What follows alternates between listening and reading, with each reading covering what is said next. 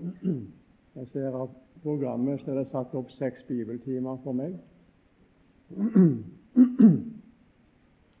Og Da kom jeg til å tenke på Karel Koff, den originale soknepresten nede på Sørlandet. Han er nå hjemme hos Gud nå. Og Han kom på et stevne og så sa han når jeg så programmet, så skulle jeg tales ni ganger under dette stevnet. Så gikk jeg inn til Gud og fikk ni budskap. Så det var veldig enkelt. Jeg skal ikke si det på den måten som han sa det, for det var veldig original måte å si det på. Nei, budskapet det har jeg fått før en så programmet, og det er fra Hebreabrevet. Eh, dette emnet da er henta. Og jeg vil si det her at hebreerbrevet Hebreabrevet er jo det brev som jeg personlig har studert kanskje mer eh, og levd mer inn i enn andre. Hebreabrevet har vært et kjært brev for meg i alle år. Dere har også undervist litt fra Hebreabrevet ved bibelskolen, så det kan godt være det sitter noen forhenværende elever her som kjenner igjen de tanker og de ting som jeg kommer til å berøre ved disse bibeltimene. Hebreerbrevet er et veldig rikt brev, så vi kan ikke bli ferdig med det på en seks timer, det vet vi. Og Derfor er det en spesiell side og budskap fra hebreerbrevet som har lagt på meg å forkynne og bære fram ved dette bibelkurs. Men nå, før vi går over til emnet, så skal vi be sammen. Ja, gode frelser, vi har behov for å vende oss til deg igjen og, og be deg om din nærhet. Vi vil be deg, Jesus, om at du måtte få gjøre det slik som du gjorde det for dine disipler når de var på vei til Emmaus. Du opplatt skriftene, opplot Skriftene for deg. Og Herre Jesus, så sa du slik står det skrevet. Og så står det her at da når de opplevde det, så begynte hjertene å brenne brann ikke hjertet i oss da han opplot Skriftene for oss på veien. Herre, da vil vi be om at i noen mån du kunne få lov å, å vise deg for oss ut ifra ordet ditt i denne bibeltime og i dette bibelkurs, at vi kunne få oppleve det også som det står at du opplot deres forstand, så de kunne forstå Skriftene, forstå hvorfor du kom, og hvorfor du lei, og hvorfor alt dette skjedde med deg. Herre Jesus, vi vil be om at du må gi den nåde som trenges nå til å tale, og den nåde til å høre og ta imot. Herre Jesus, vi vil be om det. Gi meg troens klare blikk på Jesus, så jeg ser det blødende Guds lam, og jeg vet at alt i denne verden blekner når jeg får et blikk på ham. Må du velsigne ordet ditt nå, Herre, til ære for deg og til gang for denne forsamling. Amen. Emnet det er henta fra åttende kapittel i Hebreerbrevet, og vi leser der da de to første vers foreløpig. Åttende kapittel, vers 1 og 2. Men en hovedsak ved det vi her taler om, er dette. Vi har en slik, en sådan heter det vel en gammel oversettelse, en slik, en sådan ypperste prest som satte seg ved høyre side av majestetens trone i himlene. En som gjør prestetjeneste ved helligdommen, det sanne tabernakel som Herren har reist og ikke et menneske. Det jeg vil si litt om først, det er litt om hebreerbrevet generelt. Og Det blir det første hovedpunkt i min disposisjon om hebreerbrevet. Jeg vil gjerne si det slik at hebreerbrevet det er et annerledes brev enn jeg tror jeg kan si det enn alle andre brev i Skriften i vårt Nye Testament. Det er annerledes når det gjelder brevstilen, og det er annerledes på flere måter når det gjelder budskapet, innholdet, i hebreerbrevet. For det første så vil jeg bare understreke det, fordi, ikke fordi at det skal ta for lang tid med selve brevet, for det skal jeg ikke gjøre. Men eh, hebreerbrevet er et brev uten forfatternavn. Det har du gjerne lagt merke til. Alle de andre brev i Nytestamentet står forfatternavnet til. Paulus' brev til romerne, Johannes, Peter osv. Og, og alle de andre Paulus sine brev. Så står det med forfatternavn. Hebreerbrevet det, det står ikke med forfatternavn, det står ikke hvem som har skrevet dette brevet. Det heter bare 'Brevet til hebreerne'. Og Jeg har tenkt litt på det, om eh, hebreerne visste hvem eh, det var som skrev dette brevet til dem. Det, det kan ikke vi si noe om. Og det er ingen av oss som vet, som det heter også. Det er ingen som vet hvem som skrev hebreerbrevet uten Gud. Men det ser slik ut som om eh, denne personen som skriver dette brev, kjenner til folket han skriver til. Han kjenner til deres åndelige status. Han kjenner til deres åndelige situasjon for tiden. Og Derfor skriver han midt inn i deres situasjon. Gud ber han skrive dette brev til dette folk, som er jøder, Hvorvidt de var i jødeland eller de var utenom landets grenser, så det vet vi heller ikke.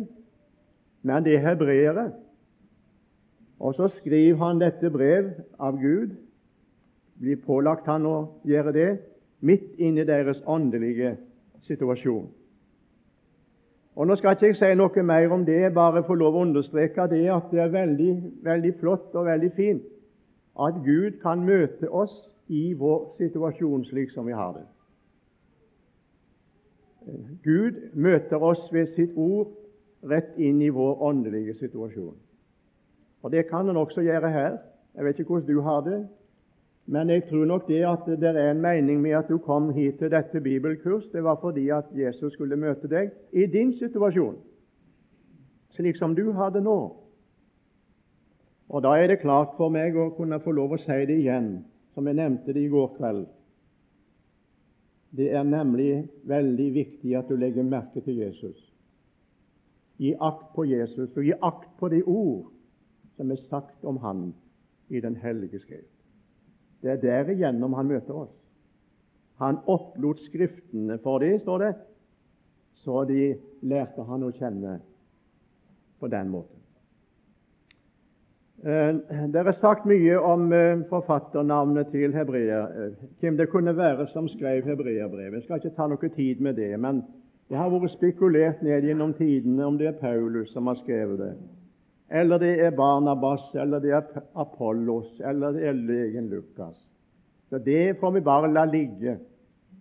Jeg må gjerne si det at det, for meg er det noe veldig fint over dette at forfatternavnet, den som skrev brevet, ikke har sett sitt navn på det.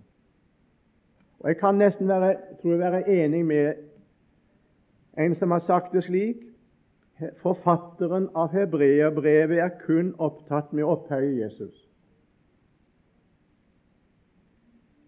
Så nevner han og Jesu navn, så nevner han med vilje ikke sitt eget. Det kan godt være det er det som ligger bak.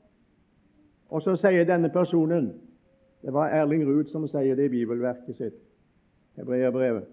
Vi kjenner forfatteren av hebreerbrevet bare gjennom brevets innhold. Og En annen har sagt det slik, jeg bare siterer det. Forfatteren av hebreerbrevet vil bare være kjent for sitt budskap som han har fått fra Gud. Dette budskapet er et Kristus-sentralt budskap. Kristus som mellommann for en ny pakt, som ypperste prest i den himmelske helligdom. Forfatteren er ikke kjent verken som menneske eller som kristen, men bare i sitt forhold til Kristus og i hans frelsesgjerning. Jeg syns det er fint sagt.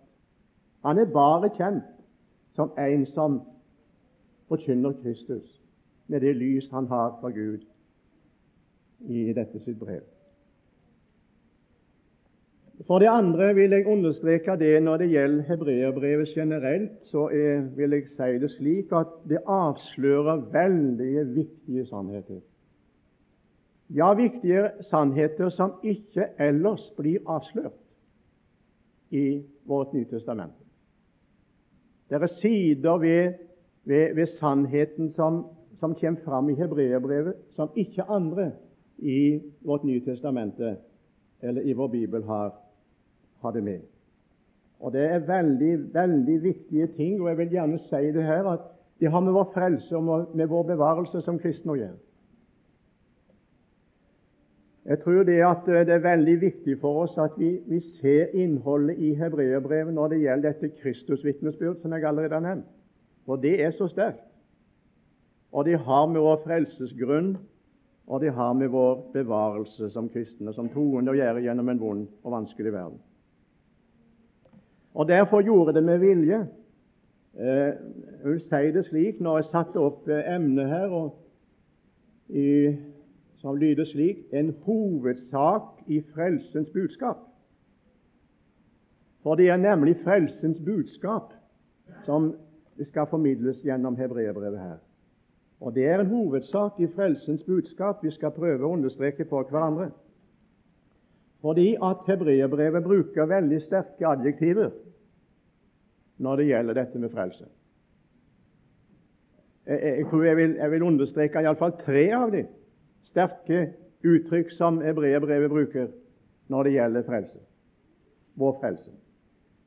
I kapittel 2, uten at vi slår det opp, bare nevner det, kapittel 2 heter det Hvorledes skal vi unnfly om vi ikke akter så stor en frelse? Det er et uttrykk 'så stor en frelse'. Altså det er frelsen er stor.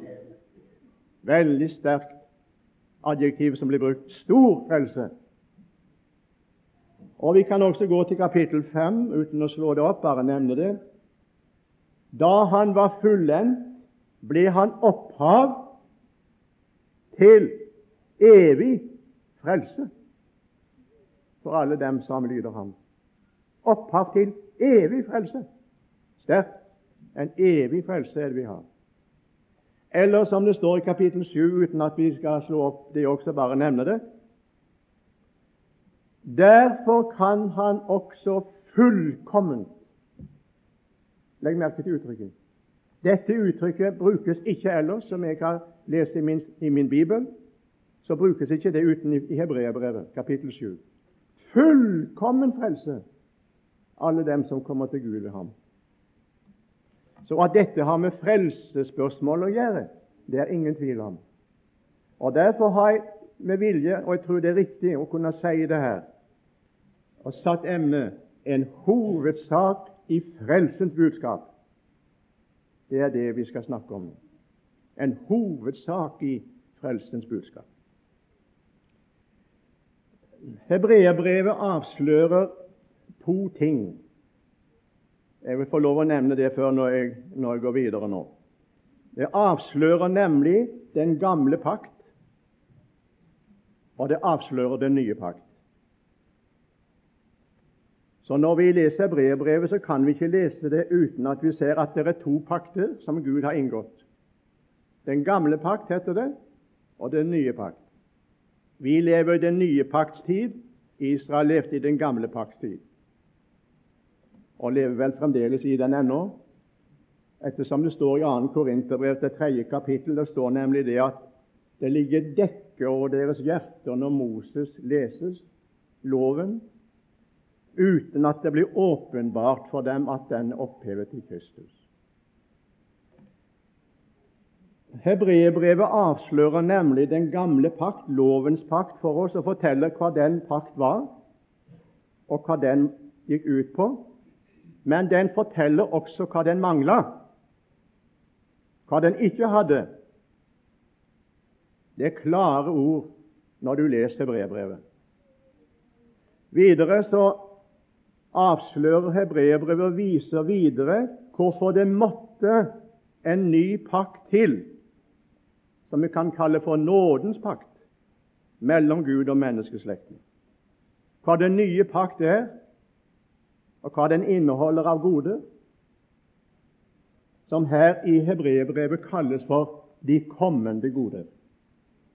Legg merke til det uttrykket bruker hebreerbrevets forfatter i kapittel 9 og i kapittel 10. Og Vi kan bare slå opp vers 11.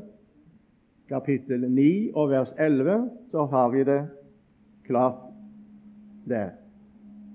Nå skal du legge merke til at her står det 'kommende', i, altså i framtid. Da i framtid. Nå lever vi i det, som den gang ble sagt i kommende.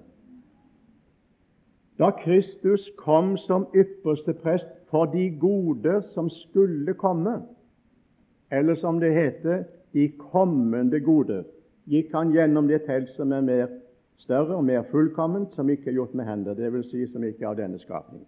Kristus kom som ypperste prest for de kommende gode. Altså ikke de goder som den gamle pakt hadde, men de kommende. Og kapittel 10, vers 1 Vi kan ta det med også med det samme. Jeg skal komme litt tilbake til det senere i en annen anledning her. For loven, legg merke til det, for loven har bare en skygge av de goder som skulle komme, og ikke tingenes virkelige skikkelse.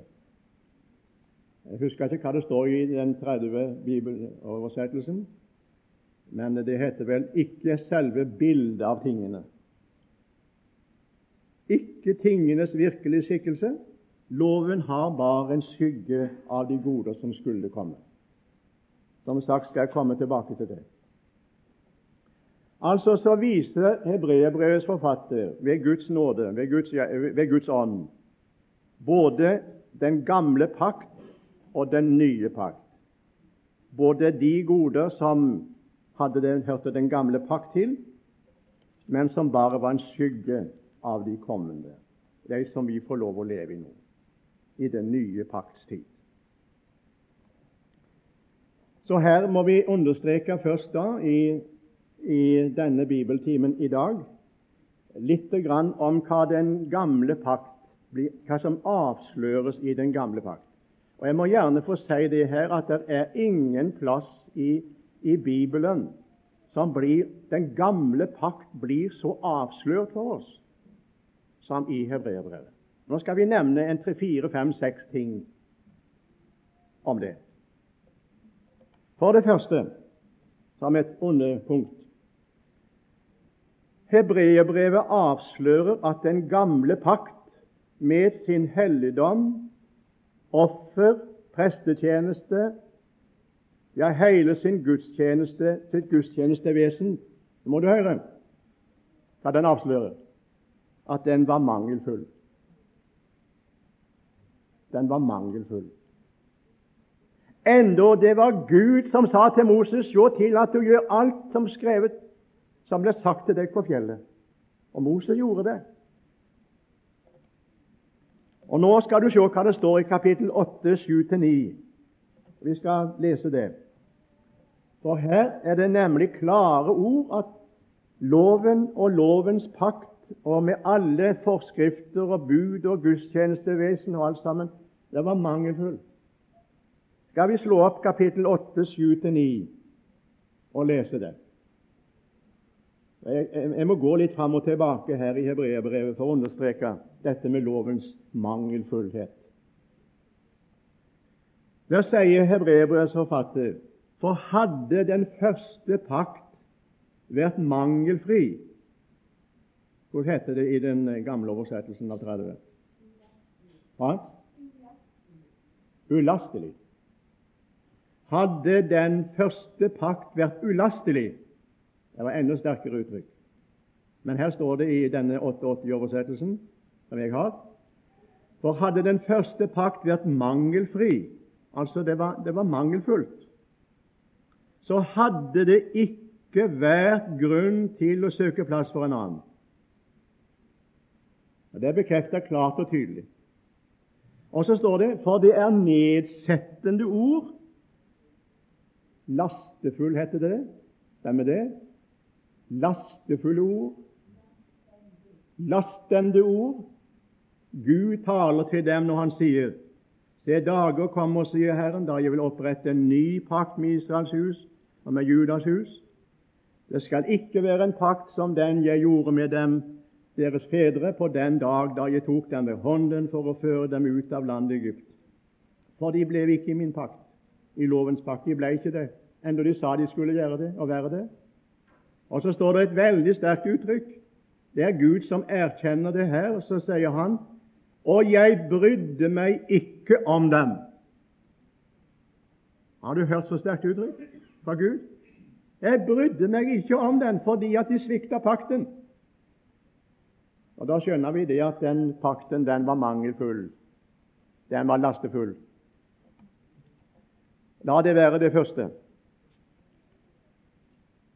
Det andre jeg skal understreke når det gjelder den gamle pakt, som blir avslørt her i hebreerbrevet, det er det at hebreerbrevet avslører videre at lovens pakt med bud og forskrifter ikke førte frem til det fullkomne. Ja, det står faktisk da ikke førte noe frem til fullkommenhet. Det var bare den var svak og unyttig og ugyldig og forelda kapittel 7, 18, 19. Vi må ta med det bibelordene også. For Her må vi gjerne få, på bakgrunn av det jeg skal si nå om den, denne hovedsaken som vi skal fram til, så må vi se det i lyset av den gamle pakts mangelfullhet og det det sies om den gamle pakt. For vi skal se hva nemlig den nye pakt inneholder. Det var i kapittel 7, 18 og 19. Et tidligere bud blir altså gjort ugyldig. Legger du merke til det? Det er noe ugyldig, sier Hebreus forfatter, med, med, med, den gamle pakts bud og lovens bud og forskrifter. Det er, noe, det, det, det, det er ugyldig. Hvorfor det, da? Fordi det var svakt og unyttig. Og så står det i vers 19.: Loven førte jo ikke noe til fullkommenhet, men et bedre håp blir ført inn, og ved det kan vi nærme oss Gud. Jeg vil gjerne understreke dette, for her er det faktisk alt negative ting som blir sagt om den gamle pakt, om lovens pakt, bud og forskrifter, som hebreerbrevet avslører klart og tydelig kapittel 8, 13. Jeg kan, ikke, jeg kan ikke kommentere alle disse, bare, bare ta det med. Når han taler om en ny pakt Legg merke til det. Når han taler om en ny pakt, har han dermed erklært at den første er foreldet Men det som blir foreldet og gammelt, er nær ved å bli borte. Så her er noe som eh, er blitt forelda. Og jeg må gjerne si det her det er noe som ikke gjelder i dag. Det er nær ved å bli borte. Og som jeg nevnte innledningsvis her, så lever fremdeles Israel i den gamle pakt. Jeg skal ikke komme inn på det som står, du kan selv lese 2. Korinterbrev kapittel, kapittel 3 om det. Eh, når det står det at eh, de har et dekke liggende over sitt, sitt hjerte når Moses leses, uten at det åpenbares for deg at den gamle pakt er oppheva i Kristus. Men, står det, når de omvender seg til Herren, blir dekket tatt bort. Og Det er det som skjer. Jeg skulle sagt noe om Israel i denne anledningen, men det skal jeg ikke gjøre. Jeg må ta en annen anledning til det, men det holder på iallfall. Eh, og, og noe sporadisk nede i Israel at dekket blir tatt bort. Men når Kristus kommer og setter sine føtter på Oljeberget, oppretter sitt messianske rike, sitt tusenårsrike, som de kaller det for, da skal hele folket vende om Se opp til Han som de har gjennomstått. Men hittil lever de i den gamle pakt. For det tredje Hebreerbrevet avslører videre at den gamle pakt, lovens pakt med bud og forskrifter den Gud ga på Sinai, ikke satte Nå må du høre ikke satte noe i den rette skikk. Det var utenom alt mulighet at det kunne komme med de rette forhold. Da det bare var kødelige forskrifter, står det, som var tidsbestemt, tidsbetont. Kapittel 9, 9-10. Jeg skal lese det også. Det er altså tidsbestemt. Det kommer ikke i rette skikk under lovens tid. Det står slik Dette er et bilde Ja, vi kan ta vers 8 med òg. Med dette gir Den hellige ånd til kjenne at veien til helligdommen ennå ikke er blitt åpenbar, så lenge det forreste telt ennå står. Altså Det var et forhenge som skilte da det hellige og aller helligste. Det forreste telt blir det hellige. Dette er et bilde inntil den nåværende tid. I samsvar med dette blir det så båret frem både gaver og offer som ikke makter å gjøre den som tjener Gud, fullkommen etter samvittigheten. Sammen med bud om mat og drikke og forskjellige renselsesbad er dette, legg merke til uttrykket, er dette ikke åndelige forskrifter. Det kan du ikke se at det står. Men det står dette er kjødelige forskrifter som er pålagt Legg nå merke til inntil den tid da alt skulle settes i rette skikk. Tid var det? Det var når Kristus kom som ypperste prest. Var det nye pakts tid kom, nådens tid, nådens pakt. Da kom det i rette skikk. Men i den gamle pakt ble det aldri i rette skikk fordi at den gamle pakts offer med mat og drikke og forskjellige renselsesbad bare var kjødelige forskrifter som ikke kunne gjøre mennesket fullkomment etter samvittigheten. Og Derfor er det veldig alvorlig for oss hvis vi fremdeles har vårt ankerfeste i det som var i den gamle pakt. For det er nemlig ikke noen som kan bli frelst ved loven. På noen måte kan vi ikke det. For Det kunne det ikke de bli det, og det kan heller ikke skje i dag at et menneske ved å gjøre lovgjerninger og holde seg i den gamle, i den gamle pakt på den måte kan bli frelst. Det går ikke an, sier Bibelen. For det fjerde vil jeg gjerne understreke her at hebreerbrevet avslører videre. Og Nå må du ta det med også, for dette er veldig viktig. At lovens pakt og bud ikke må du høre ikke gyldiggjorde Guds testamente. Da den ikke godtgjorde dens død som hadde opprettet det at et eller annet eller flere dyr eh, skulle ofres, det betydde ikke noe her, for det kunne ikke godtgjøre den person som hadde skrevet testamentet. Dersom testamentet skulle være virkekraftig og gyldig for arvingene, måtte den som hadde skrevet det, som hadde opprettet det, først ha dødd. Gud, som hadde opprettet sitt testamente med oss, måtte dø for at dette testamentet skulle være virkekraftig og gyldig for arvingene, slik at vi kunne ta arven i besittelse. Og Nå skal du se hva det står da i kapittel 9. Vi får ta det med også. 9, 16-23. Hebreerbrevet 9, 16-23. For når det gjelder et testamente, er det nødvendig at det blir godtgjort at den som har opprettet det, er død.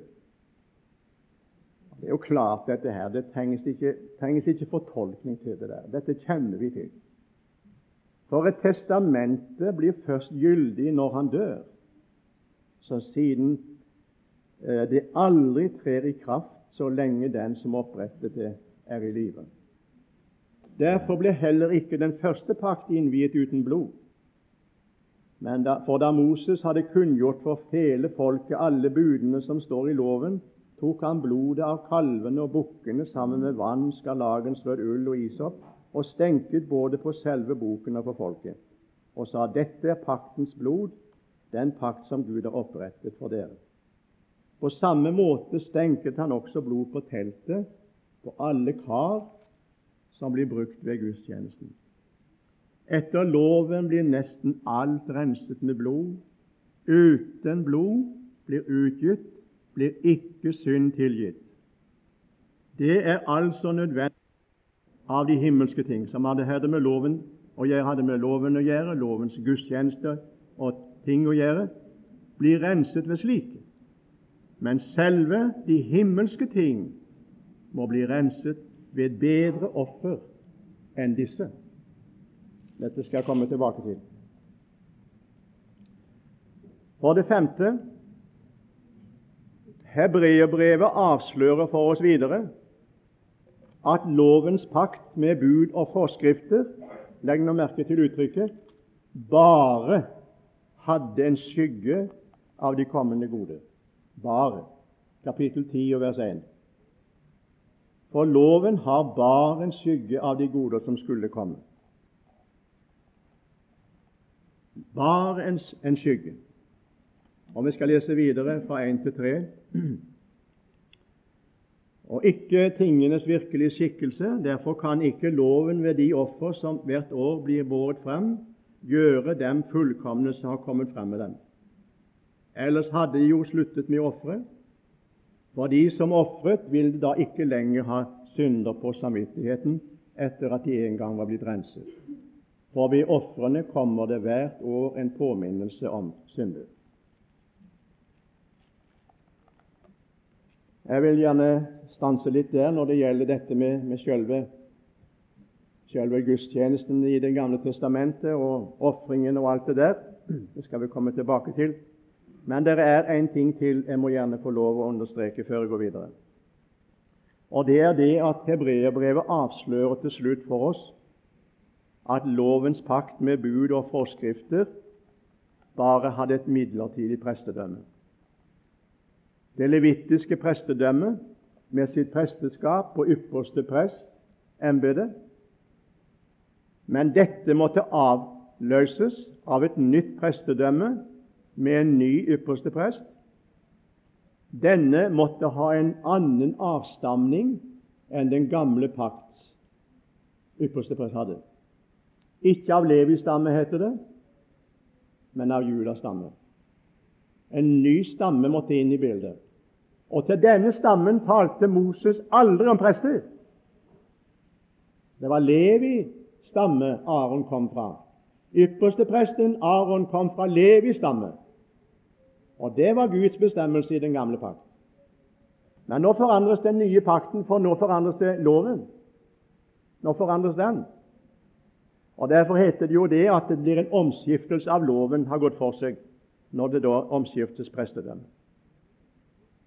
Og nå er det, det Judas stamme. Ikke etter Arons vis, ikke etter Levis stamme, men etter Melkisedek, heter det. En helt annen stamme, Judas stamme, og Melkisedek står som en prototyp på Kristus, som vi skal komme tilbake til senere. Det taler hebreerbrevet nokså sterkt om. Så her kan vi understreke det som står i det 7. kapittel, vers 11 til, til 17. Vi får ta det med også. Og Nå er vi inne snart på det som er emnet vårt, en hovedsak ved det som tales her. Jeg hadde lyst til å ta dette med som innledningen.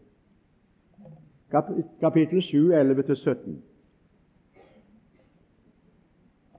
Dersom det nå hadde vært mulig å nå fullkommenhet ved det levittiske prestedømmet, som folket var jo lovbundet til. Hvorfor var det da behov for at det skulle fremstå en annen prest etter Melkisedeks vis, og ikke en som ble kalt prest etter Arons vis? Og så kommer det sterke uttrykket Jeg må få lov å understreke det for deg. For dersom prestedømmet blir omskiftet, da skjer det jo nødvendigvis også en omskiftelse av loven. Det er helt klart og tydelig. For dersom prestedømmet blir omskiftet, da skjer det jo nødvendigvis også en omskiftelse av loven. For han som dette blir sagt om, tilhørte en annen stamme, og ingen fra denne stamme har hatt noe med altertjeneste å gjøre.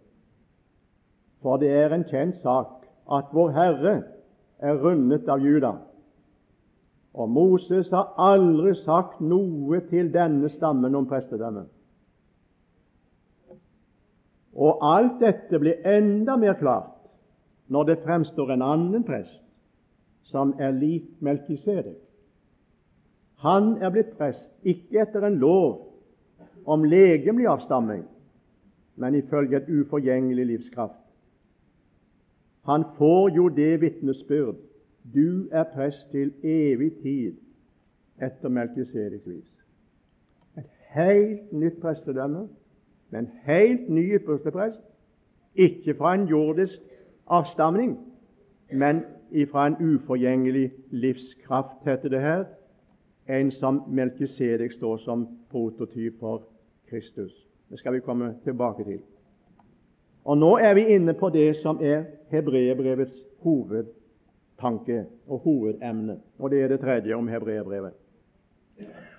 Hebreerbrevet er da altså et brev som viser oss Kristus som ypperste prest, og de goder som kom med Han.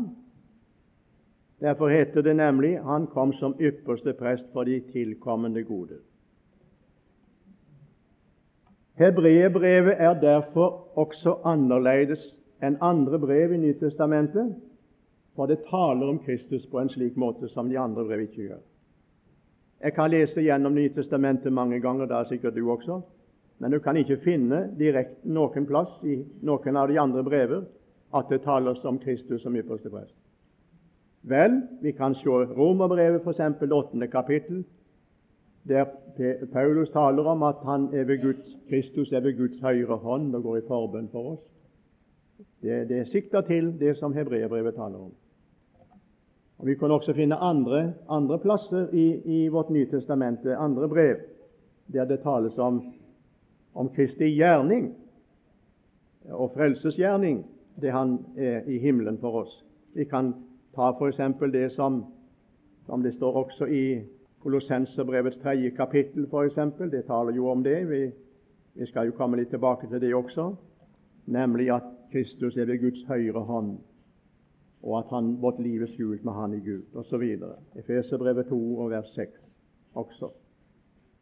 Men Kristus som ypperste prest, det er hebreerbrevets hovedtema.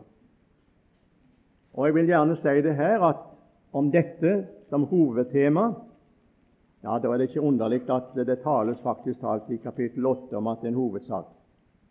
For det er en hovedsak. I Hebreerbrevet tales da det om Kristus som ypperste prest i tolv kapitler av de 13 som er i Hebreerbrevet. Altså 13 kapitler. Vi kan si indirekte tales også kapittel, det 13. kapittel, som da er det 11. kapittel her i dette tilfellet. Altså tolv kapitler i Hebreerbrevet taler om Jesus som ypperste prest. Mens det 11. kapittel der tales om troskapitlet, tales det ikke direkte om Kristus som ypperste prest, men det tales om Kristus løfte. Og det skal Jon Hardang tale om når vi skal ha hans bibeltimer. Derfor er det veldig viktig for oss å understreke og gjøre som forfatteren her av Hebreerbrevet. Jeg nevnte det litt i går kveld. Jeg vil gjerne gjenta det her i dag. Han, du kan slå opp kapittel 3. For her er nemlig veldig viktig for oss ikke bare det at hebreerbrevet Hovedtemaet i hebreerbrevet er Kristus som ypperste prest. Det, det er vidunderlig å lese om. Men hebreerbrevets forfatter han oppfordrer sine lesere i kapittel 3, 1, og så sier han skal lese det verset der Derfor, hellige brødre, dere som har fått del i et himmelsk kall, i akt på Jesus, den apostel og ypperste prest som vi bekjenner. Når vi bekjenner Jesus, slik som vi hørte det i Bjerkreim sin, sin bibeltime tidligere i dag, så går det ikke an å bekjenne seg til Jesus uten også å bekjenne Han som ypperste prest. Og Derfor er det klart og tydelig her at i den troendes bekjennelse av Kristus ligger også dette. Bekjenn Han som ypperste prest. Og Jeg vil gjerne understreke det her at uh, det jeg nevnte i går kveld, for det har blitt så fint for meg. Jeg har sittet og lest en del om dette nå i det siste, og jeg har lagt særlig meg på hjertet der det står i grunnteksten 'Legg merke til Jesus'. Legg merke til Jesus, står det, apostelen og ypperste presten.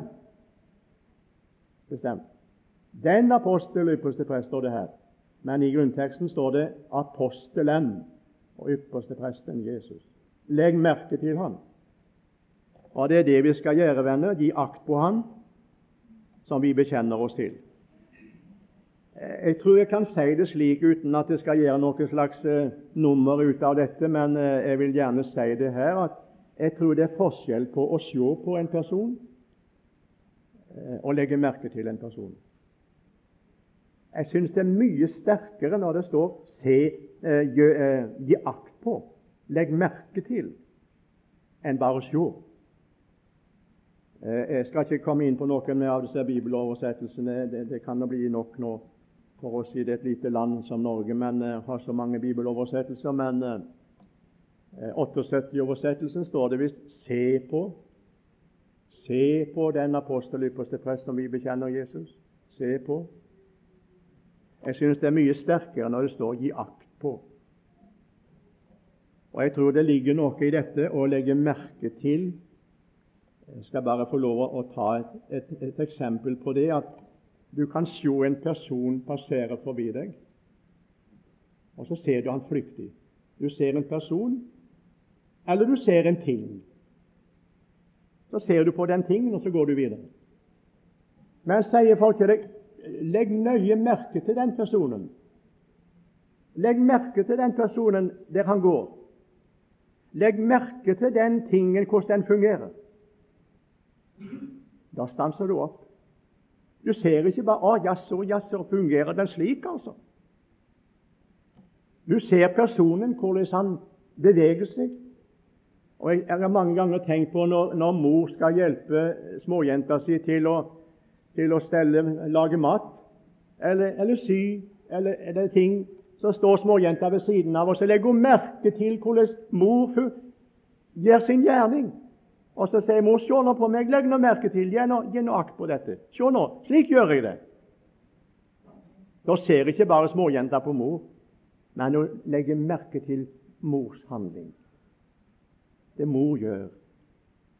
Eller far når han har gutten sin ved siden av seg, og sier han, 'Se nå her, gutten min, hva jeg gjør, hvordan jeg gjør det nå.' Nå ser ikke bare gutten på far, men han ser på hva faren gjør.